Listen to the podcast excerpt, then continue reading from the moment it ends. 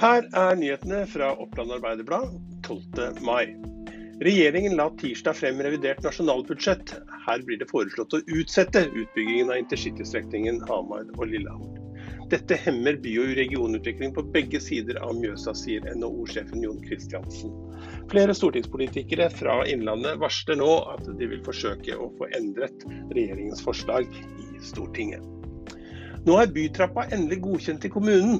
Vi gleder oss til ferdig trapp og et enda mer åpent byrom innen utgangen av året. Det sier Eldar Sofienlund, daglig leder i Mjøsen eiendom.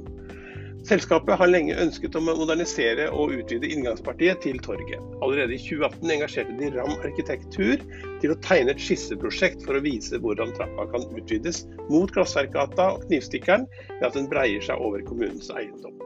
Dette er det nå gjennomslag for. Situasjonen med koronaviruset har gjort at mange bedrifter har tilbudt kundene sine nye måter å handle på for å redusere smitterisiko, både for kunder og ansatte. Og Noen av disse løsningene vil bli å finne også når situasjonen har normalisert seg. Ikea har f.eks. lansert Click and Collect drive-through, der kundene først er inne på nett og bestiller det de skal ha, og deretter blir varene plukket opp av kunden på et punkt utenfor varehuset.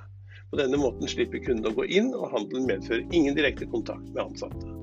Varusjef Bernhard Stangel hos Ikea Ringsaker forteller at dette er blitt et svært populært tilbud, og at dette er et tilbud de også vil fortsette med etter at situasjonen er gått tilbake til det normale. En firefelts rv. 4 den vil betale seg i løpet av få år og trygge arbeidsplassene i Innlandet. Dersom reisetiden fra Mjøsbrua til hovedstaden forkortes med 25 minutter, ja da vil privatbilister og næringsliv til sammen spare 1,15 milliarder kroner årlig. Det viser en fersk rapport som er utarbeidet av Ny Analyse AS på oppdrag fra alliansen Stor-Oslo Nord. Og Dersom reisetiden forkortes med ytterligere 10 minutter, så øker besparelsen til 1,5 milliarder årlig. På ti år solide 15,5 milliarder. Sist sommer så var det mange tusen badeglade som boltret seg i badeparken på Jevnaker. I år blir det mest sannsynlig ikke mulig.